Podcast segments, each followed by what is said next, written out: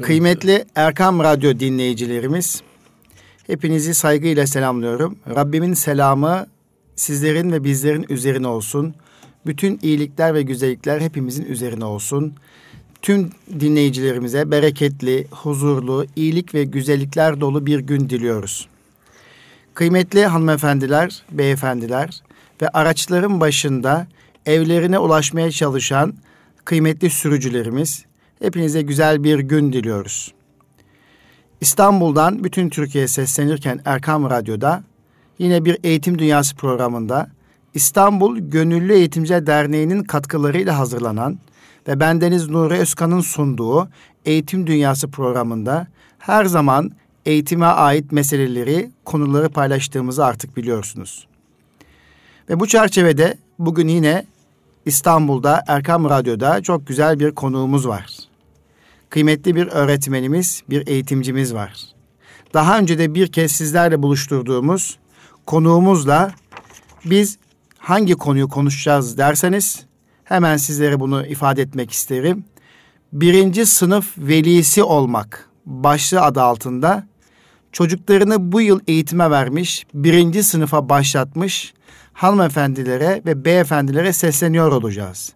Elbette konularımız bütün velilerimize hitap etmekle birlikte özellikle 2016-2017 eğitim yılında eğitimde ilk adıma başlamış ve bunun heyecanını hem okulda hem evde yaşayan siz kıymetli annelerimize, babalarımıza hitap eden güzel bir konu olacak. Peki bu birinci sınıf velisi olmak başlığını kiminle konuşuyor olacağız derseniz ve sizlerin daha önce tanıdığı Hüseyin Akar hocamızla konuşacağız. Sayın Hüseyin Akar, Kayseri Tekten Eğitim Kurumlarının İcra Kurulu Başkanı ve birçok özel okulun danışmanlığını yapan, aynı zamanda bazı sivil toplum kuruluşlarının da danışmanı olduğunu bildiğiniz ve kamuoyunda Kayserilerin yakinen tanıdığı, mucize öğretmen olarak tanınan bilinen bir kıymetli kardeşimizle, abimizle sohbet ediyor olacağız. Ve bu sohbetimizde birinci sınıfa çocuklarını yeni başlatmış annelerimiz, babalarımız bu sohbetlerden çok keyif alacaklarına inanıyoruz. Tabi radyomuzda canlı bağlantı olmadığı için eğer bu konularla ilgili sorularınız olması halinde veya daha ileri boyutta bilgi almak, almak istemeniz halinde vereceğim mail adresi üzerinden bizlere ulaşabilirsiniz. noskan69.gmail.com'a bilgi atmak suretiyle bu bilgilendirme üzerinden sizlere geri dönüş yapıyor olacağız. Hem de Hüseyin Akar hocamızın ifadeleriyle sizlere geri dönüş yaparız. Kıymetli hanımefendiler, Erkam Radyo dinleyicilerimiz, araçların başında araçlarını kullanırken bizleri dinleyen beyefendiler, hanımefendiler, eğitimci arkadaşlarımız. Geçtiğimiz hafta 19 Eylül tarihinde 2016-2017 eğitim yılına sağlıkla, mutlulukla, huzurla tüm Türkiye'de başladık. Elbette bir takım sıkıntılarımız var. Elbette Türkiye bir OHAL sürecini yaşamaktadır. Yine Güneydoğu Anadolu bölgesinde, Doğu Anadolu bölgesinde ve Suriye sınırları içerisinde bir takım mücadeleler devam ediyor. Her geçen gün şehit haberleri geliyor. Yine bu hafta içerisinde 10 tane şehidimizi toprağa verdik. Allah şehitlerimize rahmet etsin. Gazilerimize şifalar nasip etsin. Şehitlerimizin yakınlarına sabırlar ihsan eylesin diyoruz. Bu ülkemizin, milletimizin kalbi birlik ve ruhi ahengi yakalayabilmesi için başta eğitimciler olarak irfan ordusu diye adlandırdığımız eğitimciler olmak üzere bütün ordumuza Rabbim güç ve kuvvet versin. Hem irfan ordusu, kalbi birlik ve ruhi ahengi okullarda, öğretmenler odasında, veliler içerisinde sağlarken ordumuzda Türk Silahlı Kuvvetleri de Doğu Anadolu bölgesi, Güney Doğu Anadolu bölgesinde ülkemizi bölmek isteyen terör örgütlerine karşı yapmış olduğu mücadelede güç ve kuvvet versin. Özellikle Fırat Kalkanı çerçevesinde yapılan mücadelenin hem Suriye halkı için hem de bizim milletimiz için, İslam dünyası için hayırlara vesile olmasın Cenab-ı Hak'tan niyaz ediyoruz. Kıymetli dostlar, bu duygu ve düşüncelerle 2016-2017 eğitim yılında birinci sınıfa başlayan çocuklarımız için ve kıymetli annelerimiz babalarımız için birinci sınıf velisi olmak konulu paylaşımı yapmak üzere ben Hüseyin hocama huzurlarınızda öncelikle yoğun mesaisi içerisinde İstanbul'da bulunduğu fırsat içerisinde Erkam Radyo'ya zaman ayırdığı için kendisi teşekkür ediyor ve kendisine efendim radyomuza hoş geldiniz, safa getirdiniz diyorum.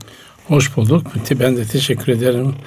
E, tabii ben de e, ülkemize bu yeni eğitim öğretim yılının hayırlara vesile olmasını diliyorum. Bütün eğitim camiasına, eğitim liderlerimize başarılar diliyorum. Efendim çok teşekkür ediyoruz. Tabii e, ben de e, bir dört çocuk babası olarak birinci sınıfa başlandığı zamanki velinin heyecan çok farklı oluyor efendim. Sizler de yıllardır bu alanda uzmanlaştınız. İlkokul öğretmeni olarak, bir eğitimci olarak, bir yazar olarak artık birinci sınıf çocuğu ne ister, birinci sınıf öğretmenleri nelere dikkat etmelidir ve birinci sınıfa çocuklarını başlatmış olan velilerin kaygılarını e, ne olduğunu bildiğiniz için o kaygılar nasıl giderilir noktasında gerçekten uzmansınız. Bu konu defaatlerce sunumlarınızı dinledim. Biz de bu önemli başlığı radyomuza sizlerle birlikte taşımış olmanın mutluluğunu yaşıyoruz. Öncelikle gerçekten zaman ayırdığınız için teşekkür ediyoruz. Efendim isterseniz önce velilerden başlayalım. Birinci sınıf velilerinin kaygıları oldukça yüksektir. Bir takım e, kaygılarını bu kaygılarını giderebilmek için okul öğretmenleri, sınıf öğretmenleri neler yapmalıdır? Bir de bu kaygının nedeni nedir? Yani birinci sınıf, birinci sınıfa velisi olmuş bir veli neden kaygılanır? Yani kaygının kaynağı nedir? Evet. Ee, teşekkür ediyorum Nuri Bey. Bu gerçekten çok önemli bir konu. Ee, tabii başlangıç, eğitim öğretme başlangıç e, sınıfı birinci sınıf. Elbette okul öncesi de var ama okul öncesinin de üzerinde ayrı ayrı konuşmak gerekir. Fakat birinci sınıf çok önemli. Ee, veli e, çok heyecanlı çünkü e, yıllar o birinci sınıfta gizlidir. E, öğrencisini e, hayalleri, umutları, bütün düşleri o birinci sınıfın kapısına girdiği anda o yükü veli üzerinde taşır.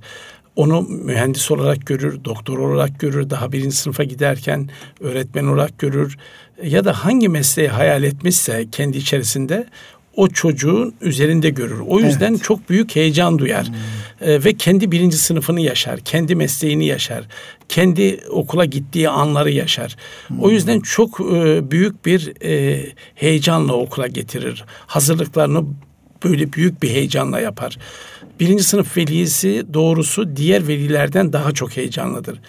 Ya çocuk, çocuk da o anne babadan daha büyük heyecandır ama onda biraz kaygı da vardır. Velide olduğu kadar çocukta, çocukta da, da kaygı, kaygı vardır. Yeni bir ortam, yeni bir yaşam evet. alanı, yeni insanlar, yeni arkadaşlar. Çocukta hep bu e, anneye babaya ifade etmese bile sürekli bu soruyu içerisinde taşır. E, ve ben nasıl bir okula gideceğim? Beni kim karşılayacak? Hangi arkadaşlarım olacak? Kiminle oturacağım? Koridorda ne yapacağım? Yalnız kalırsam ne olacak? Bu e, düşünceler çocuğu hem heyecanlandırır hem de kaygı e, düzeyini artırır. Tabii bu velinin okul öncesinde okulla ilgili ev yaşantıları e, çocuğu etkiliyor.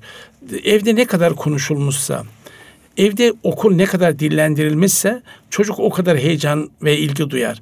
Ama bunu olumsuz e, yaklaşımlar, evdeki olumsuz yaklaşımlar kaygıyı artırır. İşte okula gidersen bak böyle olacak. Sen bu hareketi yaparsan okulda yarın hmm. öğretmenin sana bu konudan dolayı kızabilir. Bu cümleler de kaygı düzeyini artırır, korkuyu artırabilir. O yüzden veli aslında büyük bir eğitimle ilgili bir potansiyele sahip bir eğitim geçmişi var. Bu geçmişini düşündükçe e, kaygı ve heyecan düzeyi artırır. Hatta bıraksanız belki o mesaisinin kendi işini bırakıp çocuğuyla beraber sınıfa oturmak, sınıfta kalmak, onun her anını gözlemlemek ister. İşte. Ama e, tabii e, bu bir e, imkan meselesi. Böyle bir şey olmadığı için çocuğu bırakmak zorunda ama işe gitse de İnanın ilk haftalar birinci sınıf velilerinde işteki veriminin düştüğünü düşünüyorum. Çünkü hep o çocuğu, sınıftaki o çocuğu düşünür. Ama e, tabii burada esas okula ve öğretmene tabii de bu çok... bu velinin bu kaygısı da zaman zaman hata yapmazsa da neden olur. Eğer tabii. öğretmen tarafından iyi anlaşılmazsa değil mi efendim? Tabii, Psikoloji tabii. tahlil edilmezse e, öğretmen e, veli iletişim kazaları yüksek düzeyde çıkma ihtimali Kesinlikle yüksek. o. Evet. O belki bazen baskıya evet. E, dönüşebiliyor. Ama e, bir eğitim kurumuna verirken çocuğunuzu e, mutlaka iyi araştırıp iyi tahlil edip ve vermeniz gerekir. Verdiğiniz anda kesinlikle o kuruma güvenmeniz gerekiyor. Evet. Elbette bir kurumun eksiği olacak, e, hatası olabilir. E, bu e, bir hayat tarzı olarak görüp ve hayatta karşılaşabileceğimiz problemleri o bir e, okul hayatında da olabileceğini düşünerek onu nasıl çözebiliriz? Hatta çocuğu daha birinci sınıfta hatta okul öncesinden itibaren bu problemi çözmeye hatta problemle karşılaşabileceğini anlatmaya bunun bu problemin üstesinden ne kadar kısa sürede ve ne kadar e, e, bir zamanda gelebileceğini o çocuğa aktar, aktarıp onun e, çözüme odaklı olduğunu öğretmek gerekiyor. Bütün yaşam e, sürelerinde ister 5 yaşında olsun, 6 yaşında olsun, okulda olsun, lisede olsun. Yani ama problem bunu, çözme becerisi o e, o yaş grubunda başlamalı diyor. Oradan evet, velinin veli sabırlı olmalı. Evet. Velinin bakış açısında gizlidir o. Bu problem karşılaşacak. E, nerede olursa olsun karşılaşabilecek. Bunu okulda da olabilir ya da evde de olabilir. Ama onu beraber bunun mutlaka bir çözüm olduğunu araştırmak gerektiğini, yardım istemek gerektiğini e, çocuğa öğretmek lazım. E, hatta öğretmen arkadaşlarımız bile çözümde birinci sınıfta bir problemle karşılaşmışsa birlikte masaya oturarak bunun çözümünü birlikte üretmeli. Çocuğun da fikirlerini dinlemeli. Çünkü hayat ancak öyle öğrenilebilir. Evet. Birinci sınıfta bu çok küçük. Bundan habersiz veliyle öğretmen bu problemi çözerse zaten çocuğumuz hazırcı olacaktır. Artık problemleri birine havale edecektir. Kendi çözmek yerine. Oysa ki kendi çözen öyle bir sınıf düşünün ki o öğrenme alanında çocuklar kendi problemini, problem yaşanacak ama problemleri kendi çözecekse ve çocukta kaygı düzeyi de artırıyor artmıyor ve eksiliyor. Diyor ki ben bu problemi yaşayacağım ama bunun bir çözüm yolu da var. Bunu beraber bulacağım. Eğer bulamazsam büyüklerimden, öğretmenimden, okul müdürümden, annemden, babamdan bu konuda yardım isteyeceğim. Ama problemi anneme çözdürmeyeceğim. Evet. Problemi babama çözdürmeyeceğim. Bu anlayış eğer oturtturabilirse eğitim lideri arkadaşlarım ya da okul idaresi ya da anne ve babalar o zaman daha kişilikli, daha düzgün duruşlu bir e, öğrenci yetiştirmiş olacağız. Evet. Efendim çok teşekkür ediyoruz. Tabii burada birinci sınıfa çocuğunu kaydettirmiş velinin kaygılarının nedenini söylediniz. Ee, bu neden içerisinde bu kaygılı bazen öğretmenle olan iletişim kazalarına neden olabilir. Peki burada da öğretmen boyutuna gidelim. Ee, birinci sınıfa yeni başlamış çocuk kaygılı, velinin kaygıları var ve elbette birinci sınıfa başlamış çocuk problem yaşayacak. Zaman zaman problemler yaşayabilecek. Bu yaşadığı problemleri çözme noktasında siz biraz önce söylediğiniz sabırlı olsun veli diyorsunuz. Ve o problemi çözme noktası yavaş yavaş adım adım çocuk da o problemle fark etsin, çözebilsin. Çözemediği zaman kimlere başvurabileceğini öğrenmiş olur. Bu nokta velinin sabırlı olması gerektiğini ve okula güvenmesi gerektiğini ifade ettiniz. Peki bu güveni sağlayacak olan kişi de aynı zamanda öğretmendir. Öğretmen tutum ve davranışları.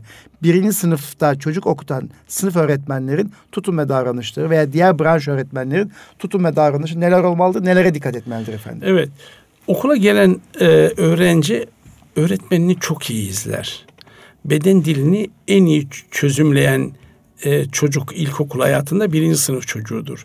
Ve öğretmenini en e, ne kadar ürkek bakışlı da olsa öğretmenini çok iyi izler. Öğretmeninin güven verdiğini hissi ona uyandığı anda annesinin elini bırakır. Çünkü orada bir kapanan kucak var. Yıllardır anneyle beraber ve aileyle beraber ve aileden koparılmış ve yepyeni bir kucağa geliyor. Açılan kucak, kapanan kucağı aratmıyorsa çocuk evet. olağanüstü bir güvenle o öğretmene sarılabilir. O yüzden öğretmen çok e, hassas davranmalı ve kesinlikle e, yüksek ses kullanmamalı. Ders anlatırken bile e, çocuğu rahatsız edebilecek yüksek ses kullanmamalı ve karşılamada mutlaka ona dokunmalı ve güvenle o, o ve e, gözlerinde onu sevdiğini ve gerçekten burası güvenilen bir liman olduğunu e, çocuklara hissettirmeli. E, daha sonra ama bir etkinlikle ben okullarda e, direkt sınıfa e, tabii şu anda geçmiş durumda ama belki gelecek sene için bu öğretmen arkadaşlar bizi dinleyen öğretmen arkadaşlara belki e, faydası olacaktır. E, sınıf belli bir etkinlikle e, dışarıda buluşan çocuklar etkinlikle bir etkinlik düzenleyerek sınıfa alınmalı. Çocuk sınıfa girdiğini fark etmemeli. Çünkü sınıf onun için farklı bir mekan. Orada ders öğrenilecek, zor şeyler öğrenilecek. Bu ben acaba bunu yapamazsam ne olacak? Bu e, iç kontrolü çocuğu o, oldukça kaygısını artırıyor. Ama oyun ortamında hisseden çocuklar kendini güvenle farklı olmayan bir mekana, e, bir müzik eşliğinde ya da bir etkinlikle sınıf alınan bir çocuk asla o e, arkadaşlarıyla birlikte aynı anda gittiği bir sınıfta farklı bir şey olmadığını ve orada kendi arkadaşlarıyla dışarıda tanıştığı bir müddet dışarıda vakit geçirdiği arkadaşlarla öğretmeniyle beraber girdiği sınıfta sınıfın farklı bir mekan olmadığını görecek. Hatta hemen sınıflara sıralara bile oturmamaları lazım. Belli sınıfın içerisinde oturmadan farklı oyunlar oynanarak e, boş olan sıralara işte e, oyun eşliğinde oturtturulmalı, kaldırılmalı, oturtturulmalı. Bu etkinliklerle sınıf e, tanınmalı, neler olduğu görülmeli ve kesinlikle öğretmen arkadaşlar sınıfın istenilen bir mekan haline getirmeyi sadece duvarları, sınıftaki panolar ya da resimler değil, öğretmenin nezdinde çocuk o sınıfı tanıyor. Öğretmen öğretmene ısınmışsa sınıfa ısınmış oluyor. Daha sonra da arkadaşları devreye giriyor ve arkadaşlarıyla beraber belli bir müddet zaten uyum aşamasında arkadaşlarına alışmışsa o sınıfa da alışmış oluyor. Bu tür bir etkinlikle e, sınıf oluşturulmaya çalışılırsa ikinci gün çocuk o oyun ortamına gitmenin heyecanını Okulu yaşar. eğlenceli e, bir, görecek evet, değil mi? Eğle, yani istenlik durum haline geliyor. Ama diyelim ki çok resmi, herkes arkada oturmuş, çiçek olmuş, konuşmamak gerektiği ilk günden itibaren söylenmiş ve çocuklar tamamen e, bir e, tek düzey haline getirmek istenen bir sınıfta İkincisi gün inanın çocuklarda kaygılar başlar, karın ağrıları başlar.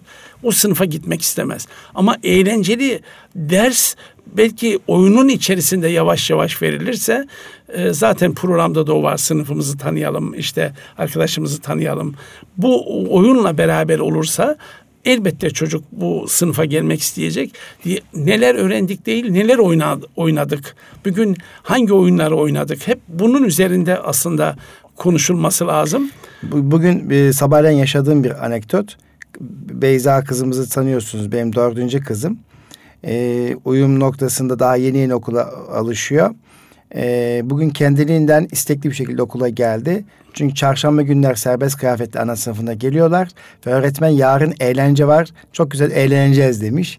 Sırf e, eğlen öyle dediği için bu mesajla davet ettiği için baba e, eğlence varmış ben okula e, kesin gitmeliyim. Kesin gitmeliyim dedi. Sabahleyin çok erkenden kalktı. Hatta okul vakti gelmedi gelmedi mi diye böyle istekli bir şekilde. Demek evet. ki aslında okul algısında biraz eğlenceyi e, ağırlaştırmak lazım. Özellikle ana sınıfı, birinci sınıf, birinci ikinci sınıflarda. Zaten eğlenceyle evet. birlikte öğrenecek çocuk. Öğrenme de eğlenceli bir şekilde olmalı. Evet. O yüzden belki daha farklı şey öğretecektir. Farklı oyunlarla falan.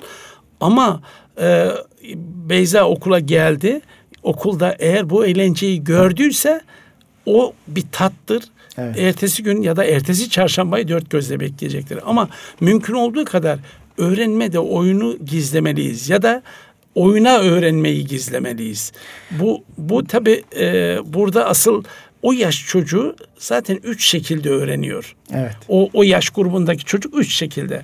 Ya keşfederek, keşfederek, keşfederek öğreniyor, hı hı. ya oynayarak öğreniyor ya da modelleyerek öğreniyor. Keşfederek öğrenme, oynayarak öğrenme, modelleyerek, modelleyerek öğrenme. öğrenme. Şimdi bu ana sınıfında ya da birinci sınıftaki çocuk öğretmenini o kadar güzel e, taklit eder ki öğretmeninin duruşunu, ses tonunu eğer çok sınıfta yüksek ses kullanan bir öğretmense o da çıktığı anda yüksek ses kullanır. O yüzden sınıf disiplinini sağlamak yüksek ses kullanan öğretmenler ancak daha yüksek sesle sınıfta etki kurmaya çalışır. Çocukların yüksek sesini bastırmak için öğretmen sesini yükselttikçe o gürültüyü kestirer, kesemez. Keseme. O sesi kesemez. Evet ama çok yavaş kullanılan evet. bir öğretmen bütün dikkatleri üzerine çeker.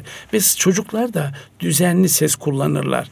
Hatta e, birazcık başka bir öğretmen gelse düzenli bir sınıfa sınıfta e, ses kullanan bir öğretmen sınıfta çocuklar kulaklarını kapatır. Ben çok rahatsız oluyorum bu sesten de. Aslında zihni düzenlemek, zihin yapısını düzenlemek için de sesteki ahenk çok önemli.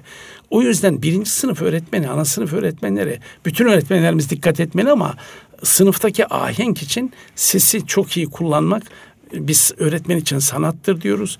O yüzden mümkünse öğretmen o güven veren sesiyle ya da bizim tabirimizde kadife sesle çocuğa hitap etmeli. Şeyi anlatırken hani çocuklar o, okula gelirken e, eğlenerek gelmeli, okulun bir eğlence ortamı olduğunu hissetmeli, işte öğrenme e, e, nin içerisinde eğlence e, gizlenmeli e, dediniz. İşte okula başlangıç süreçleri de bu anlamda önemli olduğunu vurgularken e, Osmanlı dönemindeki bedi besmele törenleri aklıma geldi. Çocuk işte okula başlayacağı zamanki mehter o mehter marşları, karşılama biçimi, işte e, muallimin e, eve kadar gelmesi, işte eski öğrencinin e, okulda onları karşılaması. Sizin de bu alanda bir e, yazı yazdığınızı biliyorum. Kısaca bahseder misiniz efendim? Ve Bedi Besmele töreniyle ilgili olarak e, tekten eğitim kurumlarında e, bu uygulamada devam ediyor diye biliyorum. Evet. E, konu oraya gelmişken onunla bahsederseniz bir okulda yeni başlayan çocuklar için okul nasıl eğlenceli hale getirilebilir?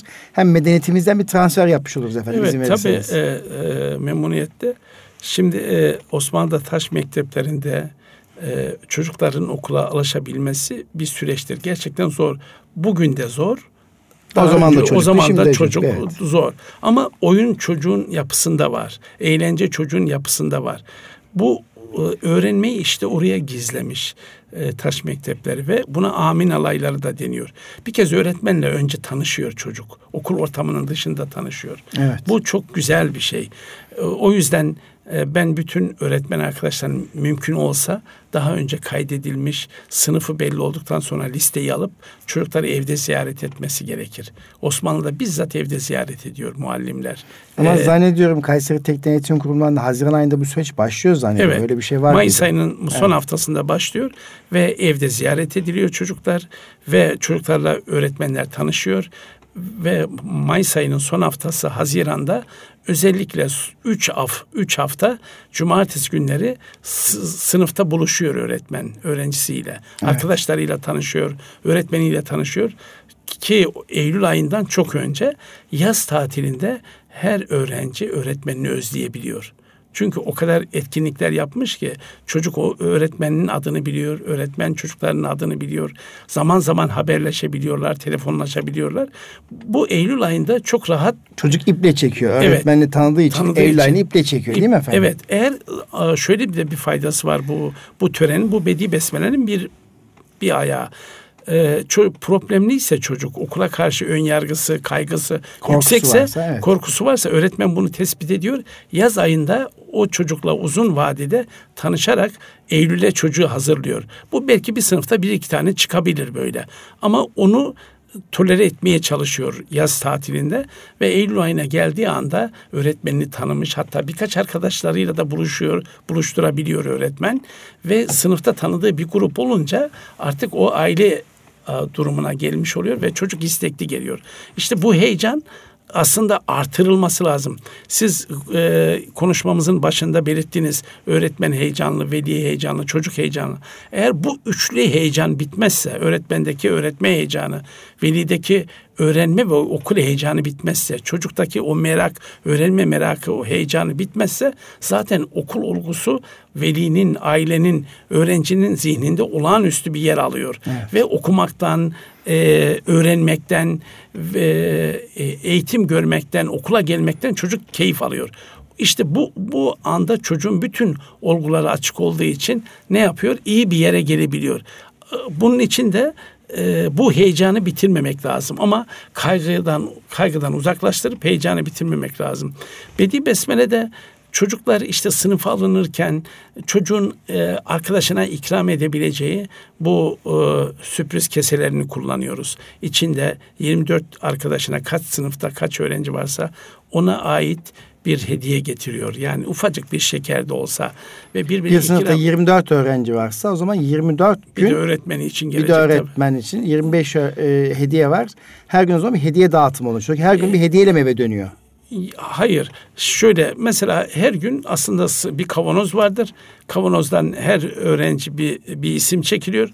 Bugün ikramlar o çocuktan hmm. oluyor. 24 öğrenci varsa 24 gün sürüyor bu. Ama her gün aslında 24 günde aslında çaktırmadan o, yavaş, okula uyum e, sağlamış oluyor. Evet. Her gün hediyeyle eve döndüğü evet. değil mi? Öyle Hatta şey öğret velinin hazır bu Avrupa'da da bu buna benzer e, şeyler var. Buna benzer Osmanlı'dan alınmış. Hatta bunu e, benim Alman meslektaşlarım falan kabul ediyor. Bu Bedi Besmele okula hazırlık e, çalışmaları Osmanlı'dan alınarak üzerine evet. konarak geliştirilmiş. Biz de bu onu iyi inceledik. Bedi Besmele törenleri, amin alaları çok iyi incelendi ve e, çocuk büyük bir heyecan oluşturuluyor okula başlarken ve çocuğun kullandığı e, evde ya da e, gerçekten en çok sevdiği bir oyuncak da okula getirilebiliyor. Zarar vermeyen yumuşak kumaş evet. oyuncaklar da bu kesenin içerisinde oluyor. Çocuk açtığı anda bu, bunun heyecanıyla açıyor. Hatta o okulun başladığı gün açılıyor o onun ne olduğunu sorabiliyor. Ve daha sonra bunlarla oynuyorlar. 24 tane farklı oyuncak geliyor sınıfta. Beraber onlarla birlikte o oyuncaklarla köşeler oluşturuluyor. Çocuk oynuyor bunlarla. Diğer taraftan her gün bir öğrenci de e, diğerlerine ikramda bulunuyor. Aslında e, dediğiniz gibi yaklaşık bir ay sonra çocuk alışmış oluyor ve gerçekten de okulu seviyor, arkadaşlarını seviyor. Bir bugün benim ismim çıksın, bugün ben ikram edeyim diye ikram etmeyi öğreniyor ve bu bu okulun bir eğlenceli hale getirme için bir yöntem bu Bedi Besmele töreni ama tabii müzik var, eğlence var. Bu sadece evet. ikramdan ve sürpriz keselerden ibaret değil. Efendim teşekkür ediyoruz. Ee, hem Bedi Besmele ile ilgili kısaca kamuoyunu Erkam Radyo dinleyicilerimizi e, bilgilendirmiş olduk hem de bir uygulamadan bahsetmiş olduk. Teşekkür ediyoruz. E, konuşmanızın içerisinde şunu söylediniz, ifade ettiniz. Öğrenmek keyiflidir ve eğlencelidir. Özellikle küçük çocuklar için bu keyif ve eğlence bir başkadır. Bu birinci sınıfa başlamış ve öğrenmenin aslında keyifli olduğunu bilen ve eğlenceli olduğunu bilen bu meraklı çocukların bu merakını, bu keyfini, bu eğlence isteğini devam ettirebilmesi için öğretmenden dikkat edeceği olmaz olmaz birkaç şey söyleyebilir misiniz? Evet. Şimdi tabii önce aslında okul öncesine de değinmek lazım. Çünkü çocuk her öğrendiği her yeni kelime onun için bir mutluluk kaynağıdır. Evet. Her adı, adım atmak ya da çocuğumuz e, bir yerden bir yere ulaşabilmesi, e, emekleyebilmesi, yürüyebilmesi bunların hepsi bir öğrenmedir ve bunları yaptığı anda çok mutlu olur çocuk. E, bunu çok abartmadan eğer düzenli bunun keyfini birlikte yaşanırsa evet. öğrenmenin e, keyifli olduğunu okula kadar getirmek gerekir. Okulda da e, çocuk e, okula geldiği anda normal e, her konuyu öğrendikçe öğretmen bunu onaylamalı ve bu burada ama abartmadan o harika hemen bunu bir e, işte herhangi bir ödülle ödüllendireyim. Yok bu doğal süreç olarak görmeli. Ufak bir işaret bravo harikasın demek bile onun için bir ödüldür. İlla ki biz e, şunu düşün. Birinci sınıftaki çocuklar herhangi bir yazı yazdığı zaman güzel ya da ödevini yaptığı anda hemen bir somut bir şeyle ödüllendirmeye çalışırız ödül, ödüllerimiz soyut olması ve ama onu somutlaştırarak onlara sunulması somut dönemde oldukları için daha etkili oluyor. Onu bir şekerle ya da bir e, kalemle ödüllendirmekten ziyade bu onun görevi. Bunu yapman gerekiyordu. Yaptığın için teşekkür ederim. Bu konuda sen başarılısın, sen çalışkansın diye sunması daha iyi. Yani sözle takdir edelim mi? Yani e, onun onun önemli olduğunu olalım. söylüyoruz. Yani farkında öğreni, öğrendiğini edelim. Evet. Ama somut bir şeyle desteklemeyelim aldım. Evet, Doğru mu? Yani evet. mesela bir şeker ver, vermeyelim veya bir yıldız e, yapıştırmayalım. Evet, veya... anlamlıysa ya, yapıştıralım. Hmm. Mesela diyelim ki e, bir anlam yükleyebilmeliyiz. Anladım. O o yıldızın niçin yıldız? Bunun bir anlam Mesela şimdi kaşelemeler çıktı, gülen yüzler çıktı. böyle Evet. kaşeler Yani mesela gülen yüz kaşesi vuruyorsa e, bu güzel iş yaptıkça öğretmenini mutlu ediyorsun. Evet. E, bu buradan bu anlam yüklemesi lazım. Hmm. Yani anne baba böyle bir kaşe vuruyorsa e, çok mutluyum. Sen görevini yaptığın için görevini yapmak e, bu senin görevin ama Yani göre- görevini yaptığın için ben mutluyuz bu mutluluğumu da ifade ediyorum. İfade ediyorum. Gibi O- o- bir mesaj yüklemeli diyorsunuz. Evet, evet. Veya o yıldıza öyle bir mesaj yüklemeliyiz. evet benim gönlümde yıldızlaştın Evet, diyebilirsin. benim gönlümde yıldızlaştı. İşte veya diyelim ki e, e, burada sen benim için e, görevini yaptığın için yıldızsın. Evet. Yani bu böyle bir anlam yüklemek elbette daha güzel ama e, bence çok e, çocuklara e, bu ödevini yaptığı için aa benim çocuğum çok zeki. Bak harikasın. Bundan dolayı bu bunu yüklememek lazım. Çalışkansın denebilir. Ama çocuğun kendi yaratılıştan olan özellikleriyle çocuğu övmemek lazım. Çok güzelsin, çok işte yakışıklısın ya da çok zekisin gibi cümleler e, o çocuğun aslında e, bağımlılığını getiriyor. Bundan yoksun olduğu zaman e, gerçekten bunalıma düşer çocuk. O yüzden hatta zeki çocuklar genellikle çalışa, çalışmazlar. Çok çalışkan olmazlar. Çünkü sadece o yetinir onunla. E, ben zeki olduğum için bunu yapmaya gerek yok da diyebilir. Ama çalışkanlık bir özelliktir. Yani çocuğun kendisi çabasıyla elde ettiği bir davranıştan dolayı çocuk ödüllendirilebilir. O sıfat ona kullanılabilir. O yüzden birinci sınıftan itibaren çocuk çocuklara hangi ta- e, tabirle sesleneceğimizi çok iyi belirlememiz Yani burada lazım. şey e, erken çocukluk döneminde e, nasıl iletişim kurulmalıdır e, sorusuna aslında çok güzel bir şekilde cevap verdiniz. E, e, kaçmaması açısından e, Erkam Radyo dinleyicilerimize, hanımefendileri ve eğitimci arkadaşlarımıza e, hatırlatmak ve farkındalığı artırmak açısından ifade ediyorum. Siz diyorsunuz ki güzel kızım, akıllı oğlum e, gibi ve benzeri tabirler çok kullanılmamalıdır. Allah'ın verdiği lütuf kullanılmamalı. Evet. Yani o çocuk onu kazanarak ya da Yani yakışıklı oğlum, benim Evet. güzel kızım, yakışıklı O- oğlum o tabiri onun marifeti değil. marifeti değil. o onun marifeti değil. Ama yani bizde bizde çok kullandığımız bir şey aslında. Yani işte aslan oğlum falan Evet. diyoruz. Bunun yerine nasıl bir takdir olmalı o zaman? Yani çocuğun yapabildiği şey e, gerçekten yapıp Hmm. da başardığı ve kendi emeğiyle ortaya koyduğu bir şey abartılabilir. Hmm. Yani çok gereksiz değil. Ama farkında olmak, çocuğun her yaptığı güzel davranışın farkında olabilirsek, ufak bir e, onaylayıcı bir işaret, bir e, hareket Hmm. ve sadece bravo. Bu cümle bile o çocuğu öğretmenin ve velinin farkında olduğunu sağlayabilir. Beni fark edebildi. Bu yaptığım davranış güzel. Bunu sürdürebilirim ya da geliştirebilirim. Daha da artırabilirim. Bunun üzerinde olmalı. Öğrencinin gösterdiği performansı ve davranışa dönük takdirler olmalı. Evet. Allah'ın yarattığı, lütfettiği bir e, durum üzerine değil diyorsunuz. Değil, olmamalı. Yani, yani çünkü buradaki son- önemli püf noktası burası herhalde. mesela dikkat Bir ederseniz de bu arada bazı öğretmenimiz aşkım, canım, işte bir tanem gibi de kullanıyorlar. Bunu nasıl değerlendiriyorsunuz? Şimdi aslında aşk e, kelimesi tamam çok güzel bir şey. E, karşılıksız çok üstün bir sevgi. Elbette öğretmenler çocuklarını seviyor. Aşk derecesinde de sevebilir. Çünkü çocuklarımız gerçekten çok önemli. Bizler için, öğretmenler için. Ama kızdığınız anda bu şey çok kuru kalıyor. Diyelim ki öğretmen... Çocuk onu ayırt edemiyor. O, o öğretmen e, eğer burada o zaman bu söz çok havada kalıyor. Onun için içi dolu olabilecek ya da içini çocuğun kendi dünyasında ya da kendi zihninde o doldurulabileceği bir e, hitap kelimesi seçilmeli. E, ona göre e, Evet. e, çocuğa hitap edilmeli. Evet mesela arkadaşım demek doğru değil. Bırak siz öğretmeni olun onun. Evet. Yani e, arkada evet belki bir arkadaş kadar onu anlayabilirsiniz ama e, siz onun arkadaşı değilsiniz. Biz onun arkadaşı birinci sınıf çocuğuna hele hele o öğretmen öğrenci ilişkisi olmalı. Fakat o ilişki sıfıra inmeli ama o sizin öğretmen olduğunuzu da bilmeli. Siz de, o da sizin öğrenciniz. Onu bilmeli. Ee, çok değer, benim için çok değerlisin. Benim öğrencimsin. bunu kullanabilir. Değerli olduğunu hissettiren e, kelimeler kullanabilir. Çocuk ne yaparsa yapsın, yanlış da yapsa öğretmen onun yanında yer almalı. Zaten çocuklar niye kaygı yap, düşerler? Birinci sınıf çocuğu hata yapmaktan korkarlar. Hata yapınca ne yapar? Ben öğretmenimin gözünde değersizleşiyorum.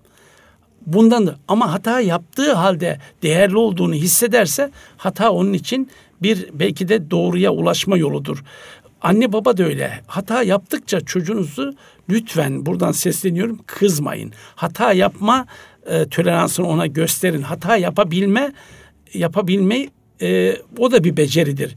E, hata e, yapmak da bir öğrenme fırsatıdır aslında. Kesinlikle. O yüzden öğretmen arkadaşlar e, hafif e, beden dillerinde bir değişme varsa hata evet. yaptığı anda bu çocuk ikinci kez tahtaya kalkmak istemez ya da parmak kaldırmak istemez. O yüzden hata yapma şansını lütfen onlara verelim. Hatta dolayısıyla hataları karşısında hoşgörümüz yüksek olmalı. Kesinlikle. O o yüzden çocuk e, eğer bizim e, karşımızdaki bir çocuğun hata yaptığı anda bile bizim beden dilimizde hiçbir değişiklik olmuyorsa bırakın yüksek sesle kızmayı. Bu çocuk o orada mutlu olabilecektir. Hatta daha iyi öğrenecektir o çocuk.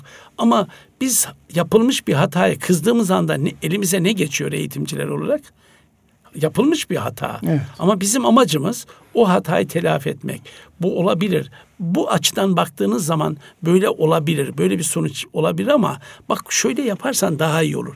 Ya da güzel yaptığı noktadan hareket Bazen etmek lazım. Bazen hatalardan da e, yani fırsatlara dönüştürmek lazım. Hele hele çocukların yaptığı hataları da öğrenmek için fırsata dönüştürmek evet, lazım. Evet. Yani çocuk bir şey yapmış, evet. emek vermiş ve bunu yırtıp atmak. Ama sonucu istendik olmamış. Evet. Yani ama veya farkına varmadan yapmış. En iyi e, evet. bak böyle yaparsan daha da iyi olabilir değil mi? Bunu bunun üzerinde çalışmak lazım. Peki çocuk belki neden hata yapmış ya da neden bunu yapamamış? Bunun nedenleri araştırmalı. Eğer çocuk e, e, küçük kas, kas gelişimi çok zayıfsa, bu çocuk o kalemi düzenli tutamıyorsa ya da araç gereç o çocuğa uygun değilse bu çocuk bunu e, istediğimiz düzeyde yapmayacaktır, yapamayacaktır. Ona uygun araç, uygun e, defter, uygun kalem, e, sağlamak lazım ve nedenleri araştırmak lazım. Eğer çocukta küçük kas gelişimi zayıfsa bunu öyle kabul edip ya da onun gelişmesi için öncelikle aileyle birlikte işbirliği yapmak lazım ya da onun için etkinlikler yapmak lazım. Ama bir bakıyorsunuz ki siz de takdir edersiniz ki birinci sınıfta çok bozuk bir yazıya sahip olan bir çocuk geliştikçe dörtte, beşte veya üçüncü sınıfta bir bakıyorsunuz ki o birdeki yazı değil. Ben defterlerini, öğrencilerimin çoğunun defterlerini saklarım. Ve baktığım zaman en az bir defterini hatıra olarak alırım. Ve e, bakıyorum şimdi e, bu çocuk e, birinci sınıfta böyle yazmış ama üçüncü sınıfta veya ikinci sınıfta o kadar olağanüstü bir yazıya sahip ki siz şaşırırsınız. Ben bile şaşırıyorum ama amacımız bu çocuğu e, yazı yazmayı bir güzel yazı yazmayı büyük bir eksiklik görerek yazmaktan tamamen uzaklaştırmamak lazım. Siz e, ben yıllardır tanıyorum, tanışıyoruz sınıf öğretmeni olarak dikte çalışmalarına çok önemsiyorsunuz. Özellikle ilkokulda birinci sınıftan itibaren de önem veren kişisiniz. Dikte defterinin de e, bir noktada e, eğitim kurumlarına girmesi noktasında gayretli çalışmalarınız var. E, o zaman yazı yazma çalışması ilkokulda temel beceri olduğunu biliyoruz. Ama güzel yazı yazma noktasında sabırla e, öğretmenler üzerine gitmelidir diyorsunuz evet. değil mi efendim? Yani e, yazı yazmayı önemsemeliyiz. önemsemeliyiz. Güzel yazı. Çünkü yazı çocuğun e, soyut e, bir dönem. Onun da bir üretim olduğunu ha, bilmemiz evet, gerekiyor değil mi? Evet. Onun bir o, onun bir ürün. Ürün Çocuğun daha doğrusu, evet. Hatta bir sanatsal bir ürün. Sanatsal bir ürün oldu farkına Ve da olmalıyız. yazı zihni düzene koyuyor. Çocuk ne kadar güzel yazı yazarsa oran ve orantıya dikkat ederek güzel bir yazı yazarsa çocuk ileri e, e yaşlarda daha düzenli, daha tertipli olabiliyor dağınık olan çocuğa bir bakın yazısı da çok e, dağınıktır. Eğer e, çocuğa düzen e, içerisine oturtturmak istiyorsanız yazıyı düzeltmeniz gerekir önce. Yazıya önem verme ama bu yazı e, önem verirken de çocuğun e, güzel yazı yazamadığını e, sürekli ona söylerseniz o çocuk zaten düzenli yazı yazamaz. Ama yazı yazarken hangi e, nelere dikkat etmeli, ne, nasıl yapabilirsek, hangi etkinlikleri ya da çocuğa hangi çalışmayı yaptırırsam yazısı düzelebilir. Bunun üzerine kafa yorar, akıl teri dökerseniz çocuğu doğru bir yönünü bulabilirsiniz. Hatta her yaptığı, e, yazdığı yazıda çok yazı yazdırarak o çocuğun yazısını bozmaya değil de az bir yazının içerisinde güzel yazdığı kelimelere ya da harflere e, dikkat çekerek e, özendirmek lazım. Bak bu harfi çok harika yapıyorsun. Evet. En güzelini bulmak lazım. Yazdığı harfin en güzelini, en güzelini bul bularak, bularak yazma isteği ve heyecan he, devam ettirmek o, lazım diyorsunuz. Evet, o heyecanı zaten buldukça o o harfe benzer diğer harfleri de öyle yapacaktır. Ve yazı yazarken eğer çocuk e, bütün yazı boylarını, harflerin boylarını etkili bir şekilde deftere taşırsa o yazı daha düzenli gözükür. Evet. Bunu beraber çalıştığınız zaman e, bir bakarsınız ki yazı gitgide güzelleştiğini görürsünüz. Ama bu arada çocuklar birinci sınıfta çok fazlaca mesela bugünlerde sosyal medyada bir e, video paylaşılıyor ve çocuk sürekli ağlıyor. Okula gitmek istemiyor. Ben bu artık bu kitabı evet. yapmak istemiyorum diyor. Hatta ben e, bir e, buraya gelmeden önce bir yerde gördüm bir kız öğrencimiz, bir öğrenci ve ben e, ağlıyor. Ben bu kitabı yazmak istemiyorum. Çünkü öğretmen ona verdiği ödev iki sayfalık bir ödev. İki sayfa bu parmaklar, o küçücük parmaklar onu e, sürekli yazmaya, aynı şeyleri sürekli tekrarlamaya e, yoruluyor değil mi? Yorulur ve anlamsız da buluyor çocuk. Anlamsız da buluyor. Ama evet. anlam yüklemek lazım. Şimdi biz diyoruz ki bir harfi öğrenebilmesi için, bir sesi öğrenebilmesi için 12 kez tekrarlaması yeter. 12 kez tekrarlayabilen çocuk o harfin yazılış şeklini artık kavramıştır. Onu fazlaca tekrar ettirmek yazıyı bozmak demektir. Onun için de çocuk okula gitmek istemeyecektir, ödev yapmak istemeyecektir. Ee, ödev demişken şuna da e, değinmek istiyorum.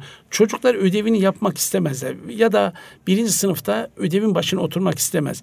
Çocuk e, bu çocuklar e, ya ödevi anlamsız bulurlar. Evet. Biraz önceki örnek evet.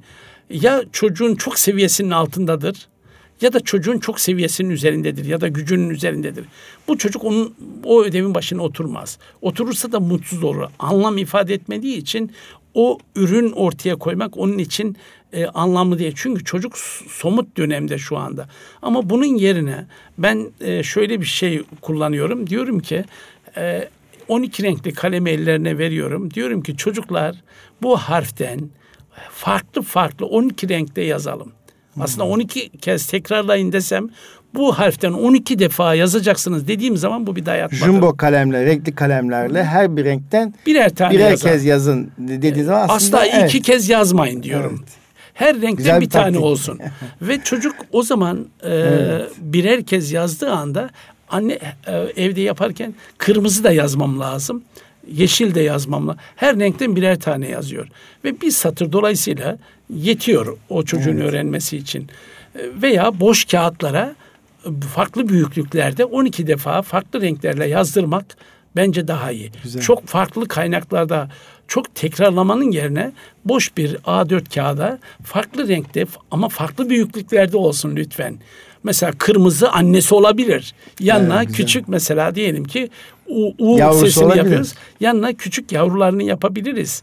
Ya da e, e, komşularını yapabiliriz farklı renklerde. Çocuk anlamlı evet. olmalı ve heyecan uyandırmalı.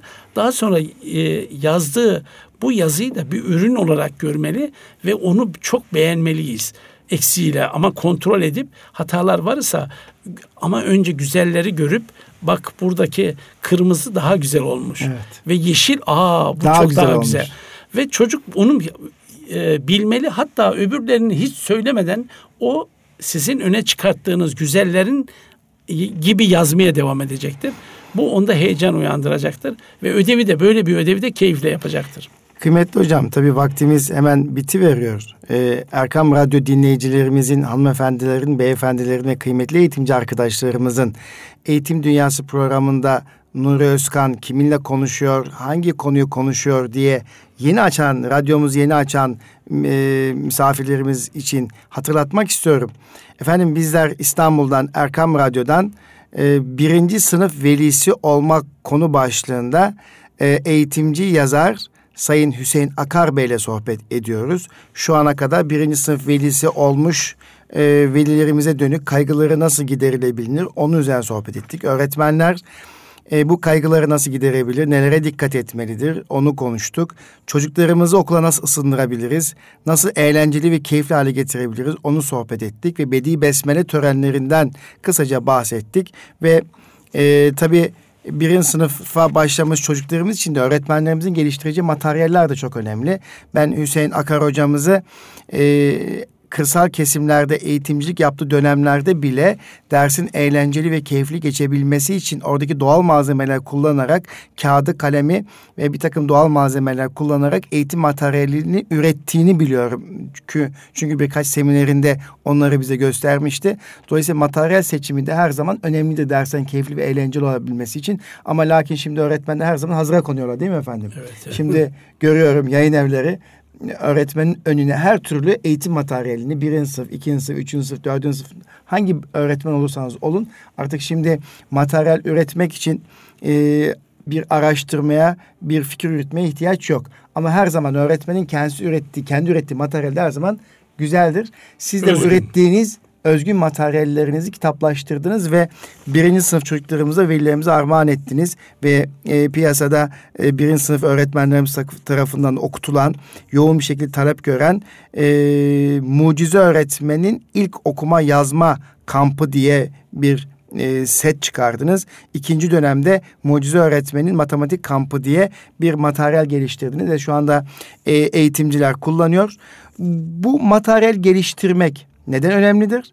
Bu çerçevede sizin şu anda piyasada sınıf öğretmenleri tarafından okutulan bu setin, bu kitabın e, özellikleri nelerdir efendim? Kısaca bilgilendirirsen sevinirim. Teşekkür ederim. Ee, şimdi çocuklar normal kurşun kalemi kullandığımız normal kurşun kalemi düşünün. Bu kurşun kalemi e, göre e, çocukların kas yapısı bu kurşun kaleme göre değil. Ben ilk hareket çıkış noktam bu. Ben e, şimdi çocuklar küçücük ellerinde o incecik kalemi tutamıyorlardı. O yüzden biraz daha kalın kalem olan bu jumbo kurşun kalemler ya da jumbo renkli kalemleri e, kullandırmak istedim. Ama kullandırırken bütün materyallere baktığım zaman bu kalın uçlara uygun çizgileri yok. O kaleme, e, o kalemle bu defterlere yazamıyor çocuk. O zaman ben yeni bir defter yapmam lazım. Ama piyasada bu kalın neredeyse 3 3,5 santimetre genişliğinde bir çizgisi olan bir defter yok. O yüzden ben ne yapmam lazım? Bu e, gittim matbaaya ve bununla ilgili çizgili sayfalar bastırdım A4 kağıda. Ve ben sonra onları e, çocuklara tek tek kağıt vererek bunların üzerine yazdırdım. Ve her yazdırdığım e, çalışma Baktım ki çocuklar keyif alıyor. Kalın renkli kalemlerle yazmaktan keyif alıyorlar. Ee, ve uygun da kaslarına uygun. Evet. Ee, sonra bu, tabii biz harften e, kelimeye geçtik. Kelimeden cümleye geçiyoruz. Ama buna uygun da bir e, materyalin gelişmesi lazım. Sürekli kendi e, kullanacağım bütün çalışmaları e, ve e, etkinlikleri kendim hazırladım. Hazırlanan etkinlikler e, yıl sonuna kadar yaptığım çalışmalarda bir dosyada birleştirdim. Ve birleştirdiğim dosyalar bir yıl sonra benden sonra birinci sınıf okutan arkadaşlar da kabul gördü. Kabul gördükçe onlar götürdüler. Bunun fotokopisini yaptırdılar ve sonra kitap haline getirildi. Ve şimdi de e, bir e, yayın evin tarafından bu e, set haline getirildi. Ben tabii bu bunu diğerlerinden ayıran özellik e, çocuk e, standart yazı boyuna dört aşamadan sonra erişiyor. Yani hemen çocuk tutup e, şu anda güzel yazı dediğimiz o deftere hemen yazmaya başlamamalı. Çocuk bir harfi ya da bir sesi birkaç kez tekrar ettikten sonra ancak küçültüyor evet. ideal boya ya da standart boya getiriyor. O yüzden önce öğretme e, öğrenci bir e, sesi öğrenirken çizgisiz bir kağıtta büyük boy kağıtlarda çalışması lazım. Daha sonra geniş aralıklarda çalışmalı. Sonra bu geniş aralık biraz küçültülmeli. Daha sonra da standart boya getirilmeli. Onun için set buna hitap ediyor. Çocuk dolayısıyla e, çok bizim bildiğimiz çok kalın kalemlerle, çok iri iri harfler yaparak ve e, e çocuğun dünyasında olan bu çalışmayı set imkan verdiği için bu yüzden daha çok tercih ediliyor.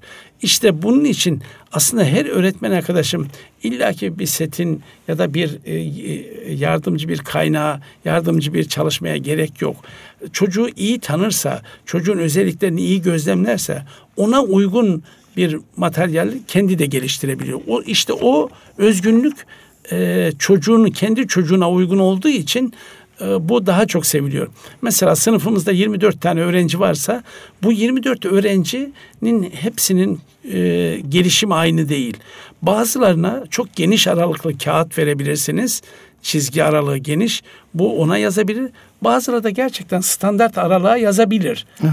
O çocuğa göre e, aynı ikisi de aynı sesi yazacak ama biri hatta biri çizgisiz kağıda yazabilir.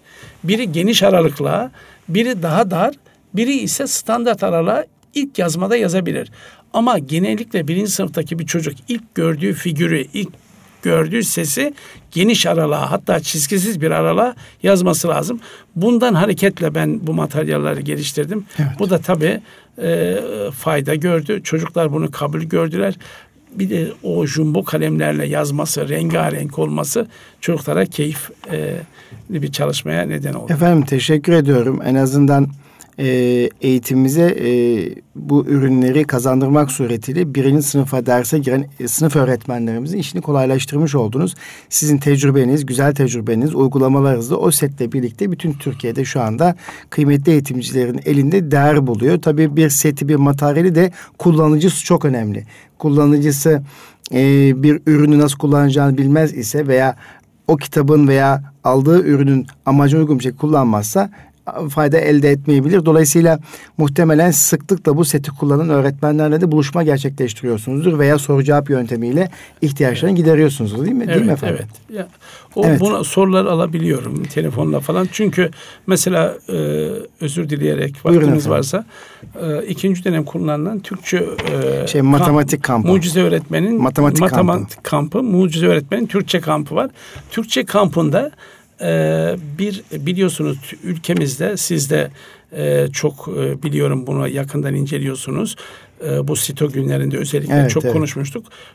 Çocuklarımız okuyabiliyorlar, yazabiliyorlar ama okuduğunu anlama, anlama konusunda çok düşük. Çok düşük Türkiye standartları. Bu da dünyada, PISA ve TIMSS sonuçlarına yansıyor Evet, dünyada da bu aynı böyle ama bizim standartlarımız dünyanın da okuduğunu anlama biraz daha altta. Bunun için ne yapabiliriz diye düşündük birinci sınıfta. Birinci sınıfta Türkçe okuma yazma kampı e, e oluşturuldu. Türkçe'de 8 sayfalık bir hikaye var başta. E, tabii bir öğrenci e, birinci sınıfta ikinci döneme gelmiş bir öğrenci 8 sayfalık bir hikayeyi çok rahatlıkla okuyabilmeli, okuyor. Evet. Ama okumak önemli değil. O çocuk o okuduğu hikaye üzerinde çalışmalı. Hatta beni arayan öğretmen arkadaşlarım, eğitim liderlerim bana diyor ki hocam bu e, test kitabı için bu giriş metni çok uzun olmamış mı diyorlar. Oysa ki iki dörtlük ya da küçücük bir paragraf yeter. E, sınavlarda küçük bir paragraf oluyor. Onunla ilgili beş soru soruluyor. Evet. On sorusu. O tarzda anlıyor öğretmen arkadaşlar. Oysa ki bir dört tane hikaye var bu Türkçe kampın içinde. Dört tane hikaye var. Her hikayeyi aslında bir ay işleyecek. Bir o sekiz sayfalık hikayeyi okuyacak ama hikayenin içerisindeki bütün yeni kelimeler, dağarcığına yeni dahil olmuş yeni kelimeler ya da anlamayı güçlendirecek etkinliklerle onu bir ay işleyecek. Ve dört ayda dört hikaye var aslında. Evet. Dört hikayeyi enine boyuna öğretmeniyle, sınıfta, ailesiyle tartışarak bu etkinlikleri yaparak enine boyuna bu hikayeyi irdelediği zaman e, bir metinin nasıl anlaşılabileceğini çocuk alışkanlık haline getirmiş olacak. Tek e, gayem bu mucize öğretmenin Türkçe kampında çocuklarda okuduğunu anlama becerisini artırmak için oldu. O soru metni değil, o aslında dört hikayedir. Arkasındaki diğer sayfaların hepsi o hikayeyi anlayabilme becerisini artırmak için etkinliklerdir. Efendim çok teşekkür ediyoruz. Çok sağ olun. Yine bir Eğitim Dünyası programının sonuna süremizi biraz aşarak da geliverdik. Ee, bu paylaşımımızın, sohbetimizin Erkam Radyo dinleyiciler için faydalı olmasını diliyorum. Zira çok güzel konuları paylaştık ama sürede sınırlı olunca hep yine söyleyeceklerimiz bir başka programa kalıverdi. Şimdi sizden son e, Erkam Radyo dinleyicilerimiz için, eğitimcilerimiz için söylemek istedikleriniz varsa alabilirim efendim. Yoksa programı kapatıyor olacağım. Evet ben de bütün öğrencilerimize bütün velilerimize, bütün öğretmen arkadaşlarıma iyilikler, güzellikler diliyorum. Ee, sağlık içerisinde bir eğitim öğretim. Efendim çok teşekkür ediyorum. Kıymetli Erkam Radyo dinleyicilerimiz, hanımefendiler, beyefendiler, İstanbul Gönüllü Eğitimciler Derneği olarak bizler de öğretmenlerimizin mesleki heyecanını artırma noktasında gayretlerimiz, çabalarımız devam ediyor. Milli eğitim politikalarımızın veya üniversitelerimizin kongre, konferans ve çalıştaylarına katılmak suretiyle İGEDAR olarak kanaatlerimizi paylaşmış oluyoruz. Önümüzdeki hafta 6-8 Ekim 2016 tarihinde İstanbul Üniversitesi Hasan Ali Yücel Eğitim Fakültesi Dekanlığı tarafından gerçekleştirilen öğretmen yetiştirmede değişim ve dönüşümler ulusal çalıştayına İGEDER olarak, İGEDER'in gönüllü eğitimciler olarak her branştan katılıyor olacağız. Ve bizler de her branştan öğretmen yetiştirmede değişim ve dönüşümlerle ilgili fikirlerimizi, kanaatlerimizi paylaşıyor olacağız. Öncelikle İstanbul Üniversitesi Hasan Ali Yücel Eğitim Fakültesi'nin kıymetli dekanı Sayın Profesör Doktor İrfan Başkurt Beyefendi'ye teşekkür ediyorum. Ekibine teşekkür ediyorum.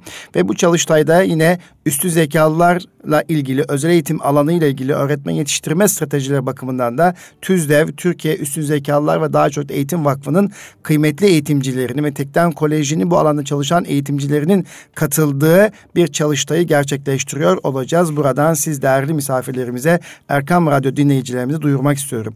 Ayrıca gelecekte öğretmen olacak ve şu anda eğitim fakültesinde okuyan e, kıymetli gençlerimiz için, öğrencilerimiz için e, şimdiden öğretmenlik mesleğine hazırlamak bakımından geçtiğimiz haftalarda 200'e yakın bir başvuru gerçekleşti. Bu başvurunun içerisinde 60 tane genç eğitimcimizi seçtik ve inşallah önümüzdeki günlerde onların programları başlayacak ve İGEDER Eğitim Akademisi faaliyeti e, başlayarak bu genç arkadaşlarımızı usta öğretmenlerin, usta eğitimcilerin elinde hayata hazırlıyor olacağız. Çünkü bizler şunu biliyoruz ki geleceğimiz eğitimde olacak ve eğitimde, marifte ayağa kalktığımız zaman inşallah Türkiye hem coğrafyasında hem de dünyada ayağa kalkmış olacak. Diyoruz ki diriliş eğitimle gerçekleşecektir diyoruz. Bu duygu ve düşüncelerle efendim bir eğitim dünyası programında kıymetli misafirimiz Sayın Hüseyin Akar Beyefendi birlikte olmanın mutluluğu ve heyecan içerisinde. Hepinize iyilikler ve güzellikler diliyoruz efendim. Kalın sağlıcakla. Allah'a emanet olunuz.